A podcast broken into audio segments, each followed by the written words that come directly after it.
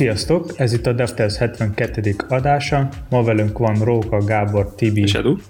Ez a podcast nem jöhetett volna létre a Shiva Force támogatás nélkül. Ti is tudtak minket támogatni, egy vagy több megosztással. Mi általában a frontend, backend fejlesztésekről szoktunk beszélgetni, agilitásról, és úgy általánosan a fejlesztői munkával kapcsolatos dolgokról. Elsőként kezdjük egy JavaScript-es dologgal. A GitHub megvette az NPM-et. Mit gondoltok erről? Jó lesz ez nekünk, vagy rossz? Maga az NPM jó nekünk, tehát hogy kezdjük itt. Hát ö, egy tök dinamikusan fejlődő dologról van szó, illetve most már szerintem elvesztette azt a fajta dinamikáját, ami egy pár évvel ezelőtt még megvolt, de hogy rengeteg megoldás született rajta. Úgyhogy ilyen szempontból persze, hogy jó. Miért gondolod, hogy nem jó? NPM-ről nekem azon meg, hogy ez a nódnak a csomagkezelője, és hogy ez gyártja azt az írdatlan méretű Node Modules mappát. Igen, igen, jó gondolod. Ez olyan, mint Jávában az M2 mappa, hogyha mondjuk mévent használsz. Igen, csak míg az M2 mappába egy függőség egyszer szerepel, azért a Node Modules alatt én már találtam olyat, hogy amikor egy modul húz egy további függőséget, és az további függőséget, és az további függőséget, akkor így négyszer, ötször, tízszer is duplikálódnak fájlok. Igen, ilyen volt a kettes NPM alatt, amikor még faszerkezetben tárolódott a, az összes függőség. Az ugye azt jelentette, hogyha volt a te projektednek két függőség, egy A és egy B, és az A a csomagnak volt egy CDE függősége, a B csomagnak volt a CDE függősége, akkor a CDE az kétszer szerepelt valóban benne. Viszont ez már jó régen volt, több évvel ezelőtt, és a 3-as NPM óta ezt a függőségi fát, ezt kilapították. És igazából csak akkor fogsz találni több csomagot ugyanolyan néven, hogyha azok különböző verzióban szükséges, hogy legyenek ebbe a projektben. Tehát, hogyha valamelyik függőségednek megvan adva, hogy ő már pedig csak a 2.0.1-es verzióval hajlandó működni, míg egy másiknak a 2.0.2 van megadva, hogy csak azzal, akkor lesz belőle kettő. Tehát lehet használni NPM-ben olyan speciális karaktereket, amivel ezt a verziószámot nem ennyire pontosan határozod meg, hanem olyanokat mondasz meg vele, hogy legalább ilyen verziós, vagy hogy nagyjából ilyen verziós. Na és azzal még ezeket a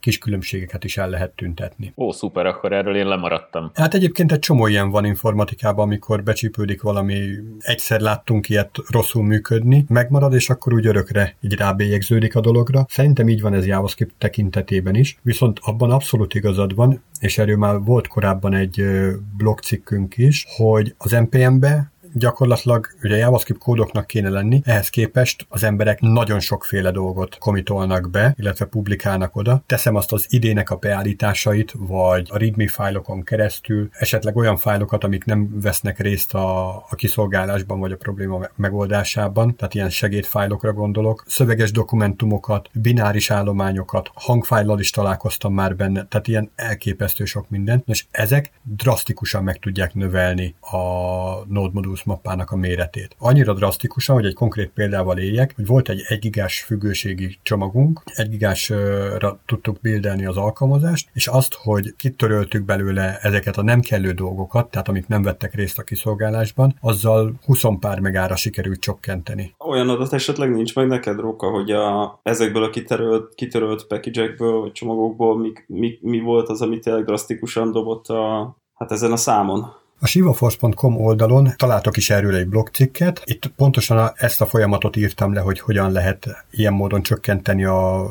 függőségi fánkat. Az egésznek az ötletét egy Node.prün nevű lib adta, amit Go nyelven írtak, és ez azt tudja, hogy ezeket a nem kellő fájlokat kitörli a projektből. Viszont ehhez képest még több százat azonosítottam a mi projektünkbe, úgyhogy ezeket egy egyszerű command line-os parancsal, egy find utasítással töröltem. És a kérdésedre a válasz nem volt egy olyan, amire azt mondtam volna, hogy na akkor az ilyen kiterjesztési fájlokat, azokat, hogyha töröljük, akkor az drasztikusan növeli, hanem nagyon sok apró dologról van szó. Nagyon sok apró olyan fölkomitolt dologról, ami nem vesz részt a kiszolgálásban. És a konkrét számok 1030 megabájtról csökkentettük 27 megabájtra a csomagot. Hát azért ez drasztikus tényleg. Tehát ez konkrétan, na jó, nem fogom kimatekozni, hogy mennyi, de De hogy, hogy, hogy, hogy azért ténylegesen uh, töredéke az eredeti méretnek. Most, hogy már így akkor tisztába tettük, hogy mi is ez az NPM és hogyan működik. Miért jó az, hogy ezt a GitHub felvásárolta? Mit nyerhetünk és mit veszíthetünk vele? Eddig mennyi fejlesztő volt a NPM csomagon, és vajon így a GitHubbal ez open source-ba megy át, és bárki turkálhat benne, vagy ez jelent egy nagyobb fejlesztőgárdát, vagy támogatást mögötte? Vagy ez csak egy szimplán üzleti váltás, hogy akkor eddig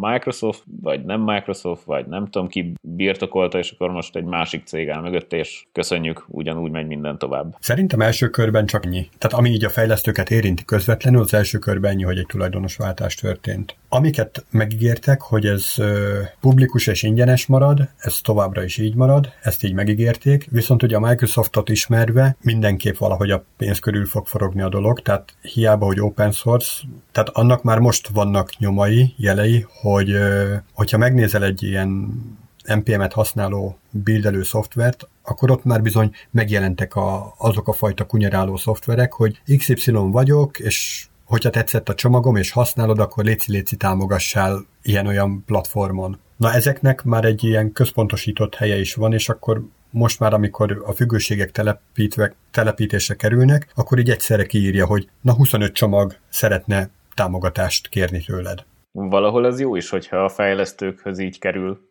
bevétel és forrás. Igen, hiszen a csomagnak a tulajdonosa az majd ebből valószínű többet tud ráfordítani. Ez tök jó. A másik oldalát próbáld megnézni, hogy mi van akkor, hogyha te szeretnél egy ilyen csomagot fejleszteni, beadod a közösbe, de mivel nem kapsz érte pénzt, ezért szeretnéd megbosszulni, és beleteszel emiatt valami gonoszságot. Egyrészt, másrészt honnan fogod tudni, hogy a te csomagodat már száz helyen használják, de nem fizettek érte. Tehát ezek olyan kérdéseket nyitnak ki, hogy ami eddig nem volt NPM-be, például, hogy csak regisztrálás után lehet csomagot használni. Mert akkor ugye azzal biztosítható, azzal lehet összekötni egy userrel, hogy ez a user már fizetett ezért a csomagért, ezért nem kell őt nyüstetni. Nincs is ilyen szó. Tehát olyan, mintha átmenjünk egy ilyen Google Play áruházba, vagy egy storeba, hogy csak azt tudom használni, amit megvettem, vagy a freaket, ami kevesebbeket Igen, tud. én nagyon félek ettől hogy, hogy ilyenné alakul át. Uh, van más csomagközelő JavaScript talán? Hát az NPM az alapja mindegyiknek, tehát ott van helyileg tárolva, a többi az hanvába volt. Szerintem gyorsan kezdjetek el fejleszteni egyet. Hát igazából már van sok alternatíva is, vagy legalábbis pár biztos. Ami a korábbi adásokban beszéltünk a, a Dináról,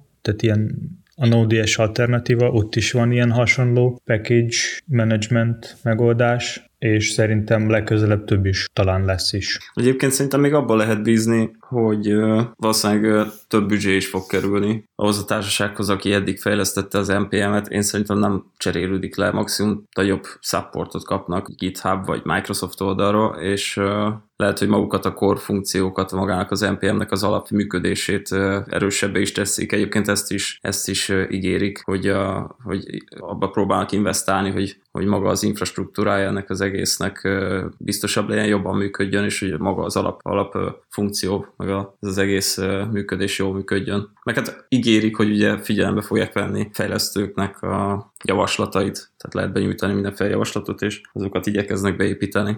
Ugye még az NPM-re egy kicsit visszakanyarodva, hogy mégis mekkora dologról van szó. Most a napokban láttam egy ilyen számot, hogy 1,3 millió NPM-es csomag van. Nyilván ebben vannak olyan értelmetlen csomagok, mint amivel szoktunk is viccelődni, az a is13 nevű csomag, ami meg tudja mondani egy számról, hogy az 13-e, meg ez hasonlók, de hogyha ennek csak a tizede az, ami van, tehát még az is ilyen 130 ezer, és hogyha egyáltalán 130 ezer különböző problémára ott van a megoldás, hát az borzasztóan jó. Tehát ez nagyon jó, hogy van nekünk. És ami még ilyen statisztikából láttam, hogy 12 millió felhasználós, az, aki töltögetett le, és 75 milliárd ö, letöltés volt egy hónap alatt különböző csomagokat. Egyébként az lehet még érdekes itt, hogy, hogy mennyire van szükség egy ilyen központi kontrollra abból a szempontból, hogy ugye open source az egész, tehát bárki írhat egy package-et, és szükséges-e azt figyelni, hogy például egy olyan package születik, amihez hasonló már majd, hogy nem van. Vagy pedig ezt ugyanúgy érdemes a közösségre bízni. Tehát, hogyha valaki felrak egy új, új csomagot, ami tud valamilyen funkciót, és ahhoz már volt egy nagyon hasonló másik, csak mondjuk egy kicsit más tudott, vagy másképp oldotta meg a problémakört, akkor ugyanúgy bízunk el a közösségre azt, hogy na most vajon elkezdik használni ezt az újat, vagy nem. Mert hogyha úgyis volt egy jó bevált eredeti megoldás, akkor valószínűleg a közösség se fogja használni ezt az újat. Illetve szerintem még az lehet érdekes, hogy, hogy mennyire tud ez az egész ugye open source irányból el enterprise-osodni, ha egyáltalán lesz -e ilyen. Tehát azért ugye mégiscsak ott van mögött a Microsoft, és nem tudom, hogy ők mennyire felügyelik azt, ezeket az enterprise-os szempontokat. Tehát azért Microsoftnál szerintem az, az abszolút kiemelt szempont, hogy,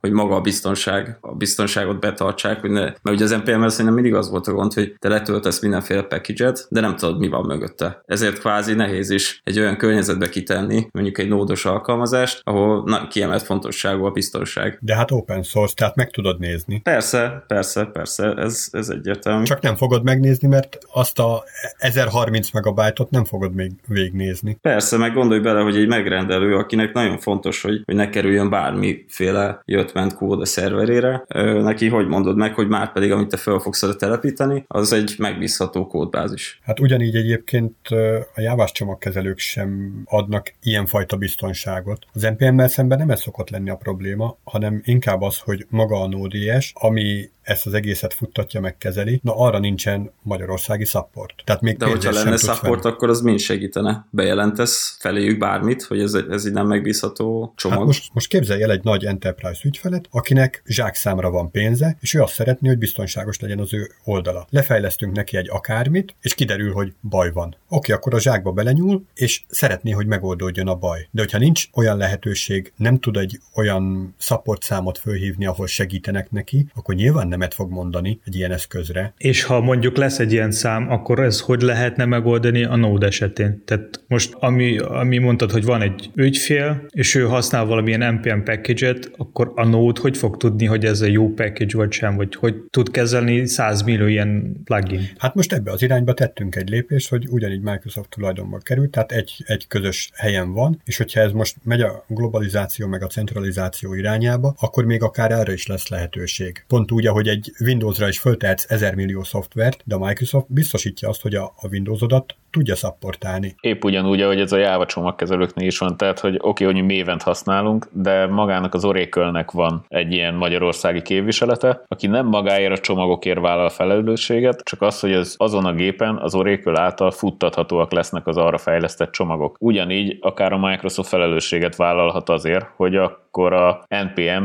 megfelelően tud egy ilyen standard keretet adni annak, hogy a csomagok fussanak, és erre tud ő supportot adni. Hát azok futnak nagyjából. Oké, okay, csak erre ő supportot is tud adni, hogy akkor amit ő vállal, hogy ilyen OS rendszeren ez az NPM verzió, ez a mentem ilyen kritériumoknak megfelelő csomagokat futtatja. És ez már egy enterprise ügyfélnek elég lehet, hogy van magyarországi support, aki a bizonyos standardek alapján vállalja, hogy a csomagok igenis futnak. És ennyiről van szó, tehát nem kell többet belegondolni. Az, hogy gonosz csomagot tölt föl valaki, vagy pedig jó csomagot, az egy másik kérdés. Itt igazából az elterjedést az gátolja, hogy maga a futtató rendszernek nincsen supportja. Jó, hát valószínűleg ez a ez, ezzel így most meg fog oldódni. Tehát ez ugye gondolom részben büdzsé kérdése is volt eddig. Hát reméljük. És akkor meg fogjuk érni, hogy OpenShift-be nódos háttérrendszereket fejlesztünk és szállítunk. Hú, de mennyi, mit csinálunk azzal a nagyon sok memóriával, ami felszabadul?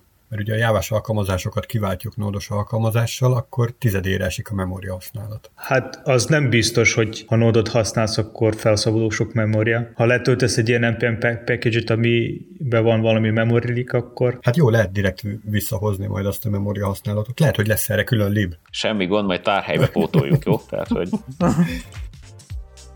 Előző adásban már volt szó, csak egy kicsit viccesen, de most akkor komolyabban is beszélünk róla. Kijött a Facebooknak a dark módja, illetve amikor éppen rögzítjük az adást, akkor előtte egy pár nappal a Stack Overflow is bejelentette, hogy nekik is van innentől kezdve sötét módjuk. Próbáltátok már valamelyiket? Én egyiket sem. Nem tetszenek ezek a sötét módok? Nem, én nagyon szeretem a fehér hátteret, a fehér idét. A Facebooknak a kék színvilága is megfelel, tehát hogy nem is tudtam róla, hogy létezik dark mód, amíg nem szóltál. Most nem olyan rég, tehát ez, ezek elég friss dolgok. Tibi? Én a Facebookot nem próbáltam, csak láttam, tehát így néztem róla videót, képeket. Stack Overflow-ról még nem hallottam, ezt most hallom tőled. Valójában nem tudom, tehát én például Messenger-t nem használom dark móddal, de alapvetően csomó minden dark móddal használok, úgyhogy ilyen vegyes.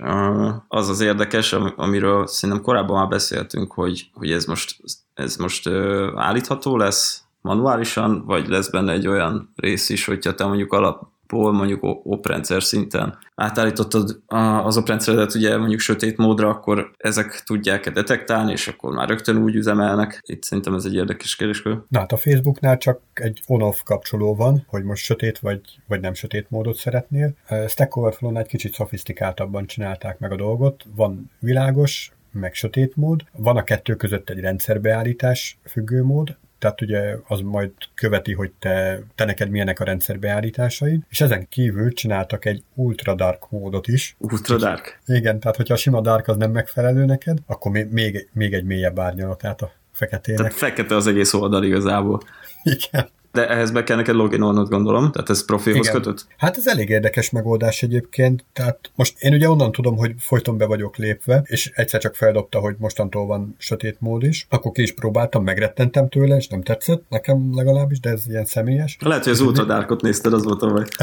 Lehet. Na mindegy, tehát így ilyen módon felhasználóhoz rögzítik ezt a, ezt a fajta beállítást. De én igazából semmi akadályát nem látnám, hogy ezt csak egy sütibe tegyék el, és akkor akár lehet felhasználóhoz is rögzíteni ugyanazt a süti beállítást, de hogy belépés nélkül is tudná, hogy ezen a gépen én sötéten szeretem használni. Én igazából arra vagyok kíváncsi, hogy, tehát hogy most egy dolog, hogy a Facebook, GitHub, meg nem tudom, Stack Overflow, vagy ha valamelyik más, ami, ahol már van Twitter, ahol már van a sötét mód, hogy ők már ezt használják, és mindenki erről beszél, de én arra vagyok kíváncsi, hogy mikor lesz az az idő, amikor a mi ügyfélőink, vagy azok a projektek, ahol mi dolgozunk, ott is lesz a dark mode, és hogy mi ez, hogy fogunk kezelni. Ezek szerintem inkább fejlesztő igények. Tehát én nem gondolnám azt, hogy egy, egy egy felhasználó, aki nem egy programozó, tehát nem az ideje jelentős részét a monitor bámulásával tölti, ő neki külön igénye lenne arra, hogy a Facebookot sötét háttérrel szeretné nézni. Egyébként nem, nem, ez nem, szerintem ez nem így van, mert ez úgy működik, hogy amíg nem ajánlod föl, hogy van ilyen lehetőség, addig nem ismerül föl, hogy szeretné mondjuk, vagy nem feltétlen merül föl, hogy szeretné mondjuk sötét módban nézni. Illetve ha belegondolsz, akkor a, ugye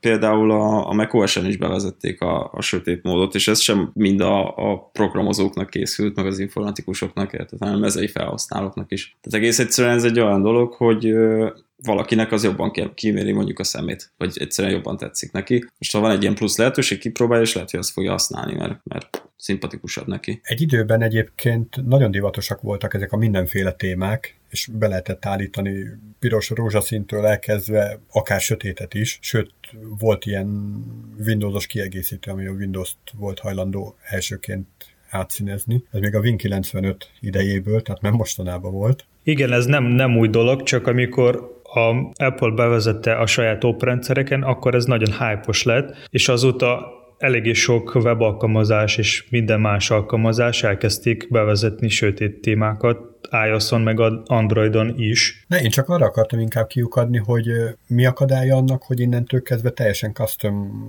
megjelenéseket állíthasson be az ember saját magának. Tehát nem csak a világos és sötét között lehessen választani. Hát az kettő dolog az abban különbözik, hogy a sötét módot azt már elég könnyen, legalábbis weblapok esetében elég könnyen tudjuk detektálni, hogyha mondjuk az oprendszer át van állítva dark módra, akkor azt mi észlelni tudjuk, és azt szerint megírni mondjuk stílusokat egy honlapra. Viszont a, a custom beállítható felületi elemekhez már kell, hogy nyújtsál valamiféle ilyen, hát ilyen beállítási vagy admin felületet, ahol azt tudod mondani, hogy, hogy felkínálni a felhasználónak, hogy ezt meg ezt meg ezt az elemet te át tudod állítani valamilyen teljesen egyedi színezésre, vagy színre, vagy bármi. Én szerintem nagy a probléma az, hogy ilyen esetben át, nagyon át kell gondolni az összes lehetőséget, hogy maradjon meg az ismerős arculata az adott alkalmazásnak vagy a weboldalnak. Mert ha túl customizálható lesz, akkor, akkor annyira tudsz beállítani magadnak, hogy nem is fogsz tudni, hogy ez most mi és senki Igen, más. Egyébként teljesen igazad van, tehát ez, ez, egy, ez meg marketing szempontból iszonyat fontos a, az ilyen websájtoknak, mint például a Facebook, hogy ne veszítsék el a, a brandjüket, érted? Tehát ők nyújtják azt, hogy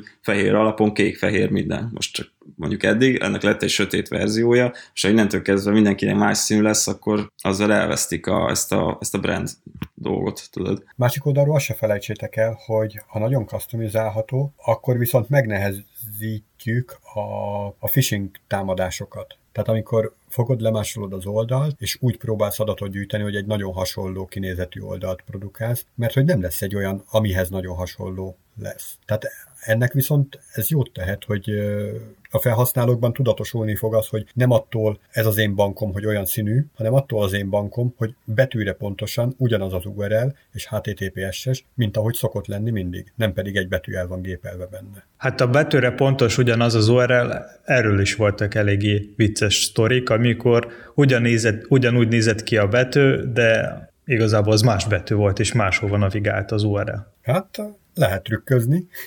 Tehát most abban gondolj be, Róka, hogy például, ha maradunk ennél a marketing iránynál, és maradunk a Facebooknál, akkor az, az ő marketingeseik mennyit dolgoztak azon, hogy ez a mostani brand kialakuljon, meg hogy hogy nézzen ki a logó, abban milyen betűtípus legyen, milyen legyen az árnyalat, a világos meg a kék, világos meg a sötét kék szín között, meg tudod, tehát csomó ilyen téma van, amivel annyit el lehet szöszölni eh, minden szempontból, úgyhogy ezt csak úgy szerintem nem fogják, nem fogja egyik nagyobb cég se hogy most te össze-vissza színezd a, az oldalaikat. Hát na jó, de tehát változik a világ. Tehát belegondolsz, korábban egy-egy oldal az így tíz évente változott. Most azért azt, az, azt a világot éljük, hogy egy-két évente azért szükség van egy ráncfelvarrása, mert egyszerűen elavultnak tűnik, ami tavaly még menő volt. Hát jó, csak ezek a ráncfelvarrások, ezek olyanok, mint például a Google-nél, amikor egy, egy picit változtatnak a, a betűtípuson, érted? Vagy a, tehát G betűnek igen, az kb. Tehát, hogy ezek azért nem ilyen drasztikus dolgok. A Facebooknál most elég drasztikusat léptek, teljesen máshogy néz ki.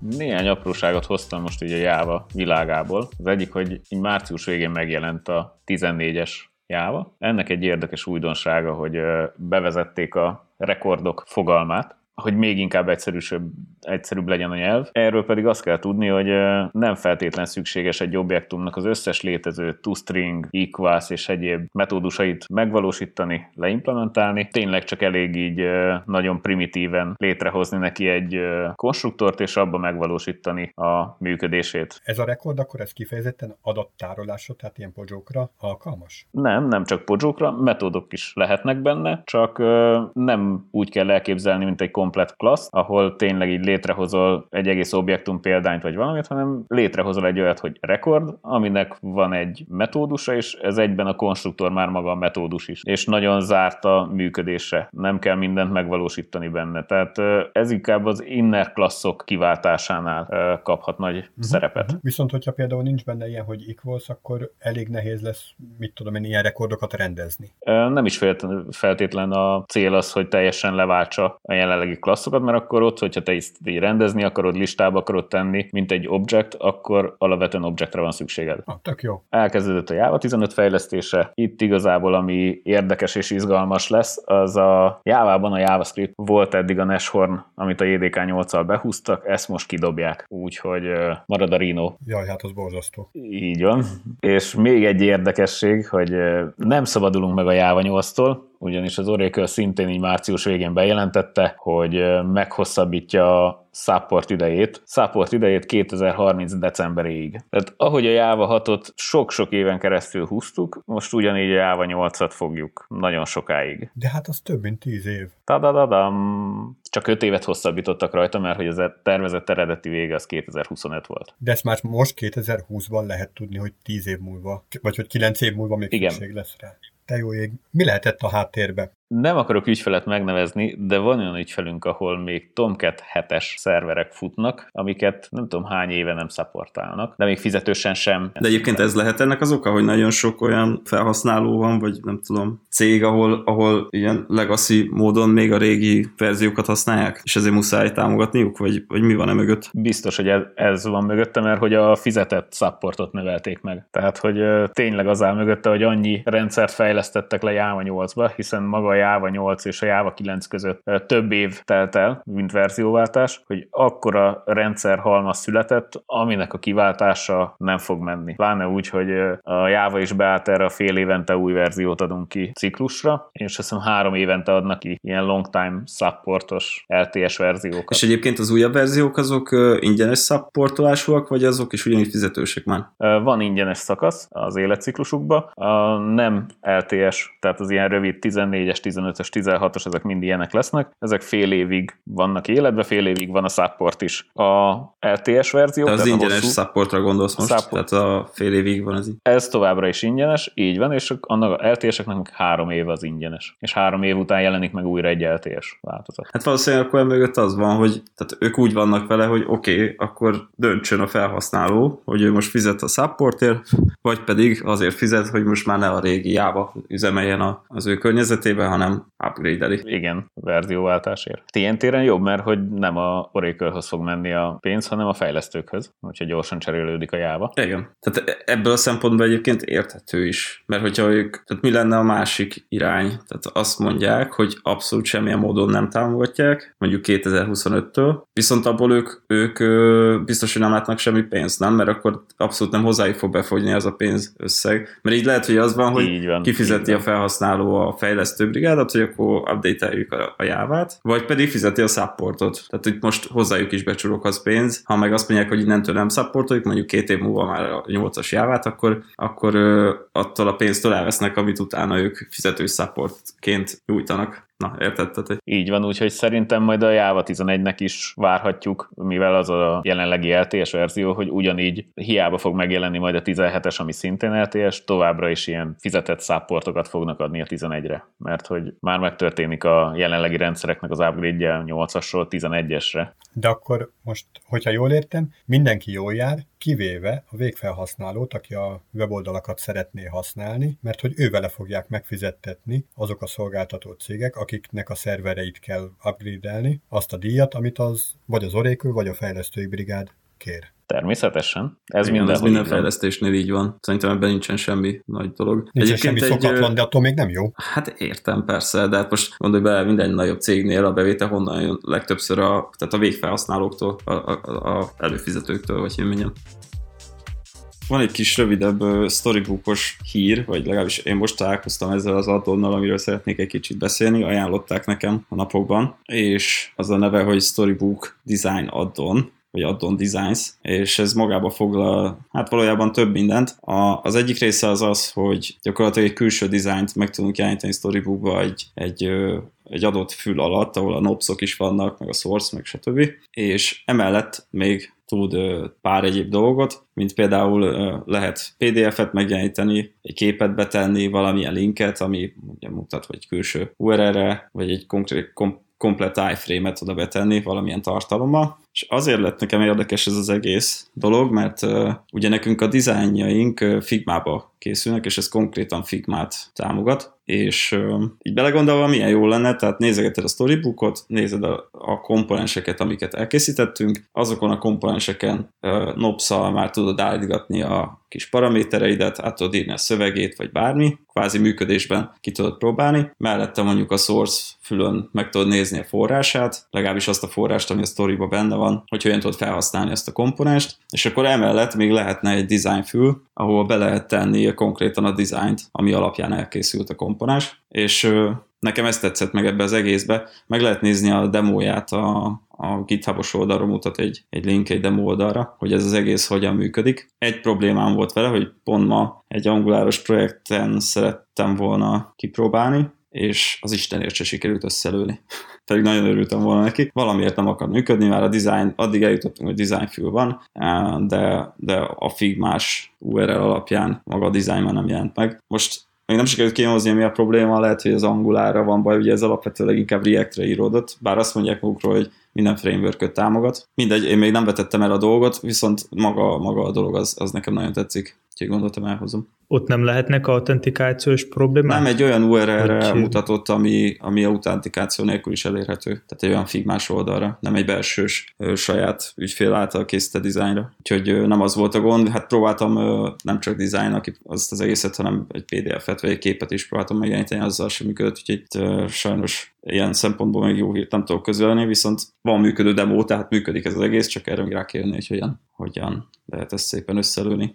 Úgyhogy jó, még ami, ha már storybook, akkor még annyi van, hogy mi, mi még kitáltunk egy olyat mostanában, hogy ugye a nopszoknál ezeket a kapcsolókat lehet definiálni, és alatt, alatta még grupokat érdemes létrehozni, és akkor lehet olyan kapcsolókat készíteni, amik elemeket alapból tud a komponens. Tehát ha mondjuk egy üzleti oldal vagy egy designer nézi a komponens storybookon belül, akkor az alatt a fül alatt azokat a kapcsolókat látja, amiket ténylegesen tud a komponens. Viszont ha egy másik grup főre kapcsolsz át, oda lehet olyan kapcsolókat létrehozni, mondjuk ahhoz a komponenshez, amik nem tényleges paraméterei, hanem a fejlesztőknek hasznosak, mert előre lehet időzni egy olyan kontextust, amiben amiben mondjuk azt mutatod be, hogyha egy, belekerül egy, egy adott helyre a, a komponens, vagy mondjuk kívülről egy adott klaszt megkap, vagy stb., akkor az mit változtat a megjelenésén. Úgyhogy még ez egy ilyen kis gyakorlati, vagy felhasználási tanács, vagy nem tudom, minek nevezem, ami szerintem így, így, így jó tud lenni. Esetleg, ha van valakinek ötlete, és rájön, hogy mi lehet ez a probléma, akkor nyugodtan eh, jelezze felénk. Én amúgy nagyon örülök annak, hogy a design eszközök már egyre közelebb vannak a fejlesztéshez, tehát sok ilyen mindenféle integráció van, ami nagyon tud megkönnyíti a, a fejlesztés.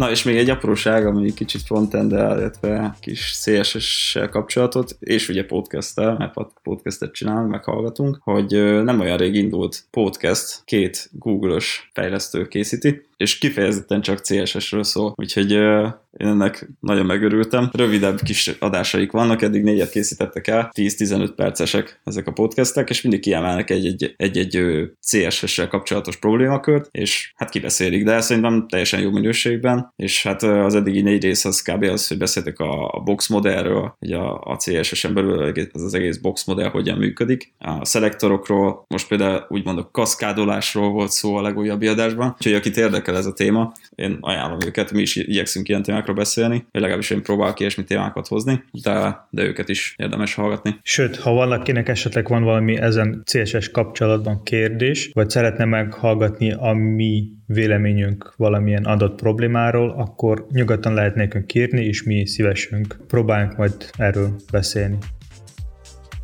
A következő téma is érint a CSS. Most igazából én arról kíváncsi vagyok, hogy miért ezt a CSS tulajdonságot ritkán lehet találni, és miért, miért mondjuk erre, erre nem készül senki, mert szerintem eléggé hasznos lehet, és ennek a tehát van a CSS-ben ilyen pseudo szelektor, hogy visited, azt a problémát tud segíteni megoldani, hogy felhasználó lássa, hogy ő milyen linkekkel már járt. És ti mit gondoljátok, miért, miért ezt kevésbé ezt használjuk? Erre egyébként van most egy egészen aktuális és érdekes kérdésem, vagy problémaköröm, úgymond, hogy ez nálunk is felmerült, hogy kéne használni a, a linkeknek a visited állapotát, viszont az az érdekesség itt, hogy például egy, egy single page app esetében egy-egy ilyen linknek kinéző valamit, valamit mikor vegyünk ténylegesen linknek. Mert ugye sokszor nem navigálsz egy új oldalra, hanem csak kicsered a adott oldal kontentjét, és nem váltasz URL-t. Úgyhogy mi abban maradtunk, hogy minden olyan link, ami külső URL-re mutat, annak lehetőség szerint legyen, legyen visited állapota, de egyébként meg, meg ne használjuk, mert hülyén jön. De ha, de ha belegondolsz, a link ez egy navigációs elem, tehát fontos, hogy változon az URL. Tehát ha van egy ilyen valami, ami úgy néz ki, mint egy link, és közben nem változik a, az URL, akkor ez gomb leginkább. Erre kell nagyon figyelni, hogy ezért, ezért becsapós ez az egész, hogy valójában ott használjunk linket, ahol URL változás is történik. Mert minden egyéb esetben csak egy funkciót vált ki az a, az a elem az oldalon, tehát magyarul azt egy gombnak kéne implementálni. De erről már sokat beszélgettünk, ez a szemantikus igen, abszolút. írásmód. Igen. Meg Csak hogy megint oda kanyarodunk vissza, hogyha jól használjuk, végül is szemantikusan jól használjuk, a, vagy jól építjük fel az oldalt, akkor igazából ezt a részét kiszűri. De hogy a tényleges linkeken miért nem használunk visited állapotot, az egy nagyon jó kérdés. Szerintem sokszor inkább csak elfelejtődik. Képzeljétek, régen, réges-régen, amikor még a Firefoxnak ilyen kettes azt hiszem kettes, hármas körüli verziója volt, nem mostanában volt, akkor volt ilyen, hát sebezhetőségnek is lehet igazából mondani, hogy JavaScript segítségével ki lehetett olvasni a visited állapotát egy linknek. És hogy nem is gondolnád, hogy mire való ez. Csináltak egy oldalt, ahol fel volt sorolva, gyakorlatilag láthatatlan módon, mit tudom én, az 50 top akkori oldal, és hát benne ugye látszódott, hogy most melyik volt látogatva, és melyik nem, és ebből kiszűrte a program azt, hogy te jó eséllyel férfi vagy, vagy nő vagy. Hiszen autóversenyzős oldalakat például tipikusan inkább férfiak látogatnak, míg mit tudom én, varrással, szabásvarrással foglalkozót meg inkább nők, és mondom, ott volt egy ilyen nagyobb lista, és abból valamilyen statisztikával kiszedte, hogy te melyik nemhez tartozol inkább. Szóval, hogy uh, ilyenre is volt lehetőség. És ez, ez mihez, vagy mire jó, vagy mi, mi ennek a most így a célja? Vagy csak arra akarsz kiukadni, hogy akár ilyen felhasználói adatokat is tudsz szűrni vele? Pontosan, tehát, hogy felhasználói adatokhoz, tehát úgy olyan módon tudsz adatokat elkérni a felhasználóról, hogy nem is kértél el semmilyen adatot. Hát jó, tehát, de ez hogy... ilyen valószínűség számítás alapján történik, tehát nem biztos, hogy egy tényleges... És 99%-ban jól működött. Mostanában érzékeny téma az, hogy a személyes, szoká, majd, hogy a szokásaidat térképezik fel, és ezek alapján próbálnak üzleti előnyhöz jutni. Ez pont egy ugyanilyen példa volt, hogy a látogatási szokásod alapján tudták felmérni, hogy ki vagy, mi vagy, és mit ajánljanak neked. Pontosan. Hát igazából azóta az eszközek meg technológiák nagyon fejlődtek, és már nem muszáj a vizit, csak a, nem muszáj vizitit állapotot vizsgálni, már sokkal okosabb lettek a rendszerek. De igazából egy... elég csak egy Facebook fiat. igen, igen. Vagy ha valamilyen oldalra valamiféle analitika be van kötve, hát abból is már rengeteg mindent ki lehet mutatni. Csak gondoljatok bele mondjuk egy hírportálnál, hogy a hirdetések helyét hogy határozzák meg. Nyilván azt mérni és számolni kell, hogy melyik hirdetés látszik a képernyőn, hiszen ezeknek nagyobb lesz a fizetési értéke. Tehát ez is egy olyan típusú adatgyűjtés, hogy mennyi ideig olvasod a cikket, meddig tekered le. Nyilván ezt abból monitorozzák, hogy valószínűleg ott a háttérben ilyen CSS szabályok mozognak, ugrálnak, változnak, hát és erre, erre, erre vannak külön mérési eljárások, hogy egy ilyen úgymond heatmapet készítesz az oldalról, hogy mondjuk a kurzor szenzorral hol jár rajta a felhasználó. Sőt, én már láttam olyan felmérést is, de ez nyilván nem úgy, hogy, hogy így inkognitóba nem tudom, úgy figyelsz meg valakit, hogy te egy, tesz egy weblapot, és valaki bárki megnézi távolról, hanem mondjuk így helyileg egy kész honlapot valaki úgy nézett, hogy feltettek a szemére egy ilyen kameraszerűséget, és gyakorlatilag a szemeit vizsgálta az a dolog, hogy hova néz az oldalon belül. Először melyik részt nézi meg, és aztán hon, honnan hova halad, hogy balról, felülről, felülről lefele, vagy rögtön jobbra, tehát van ennek az egésznek egy ilyen úgymond tudományága. Ezt úgy hívják, hogy szemkamerás vizsgálat, és pont erre, pont erre jó, hogy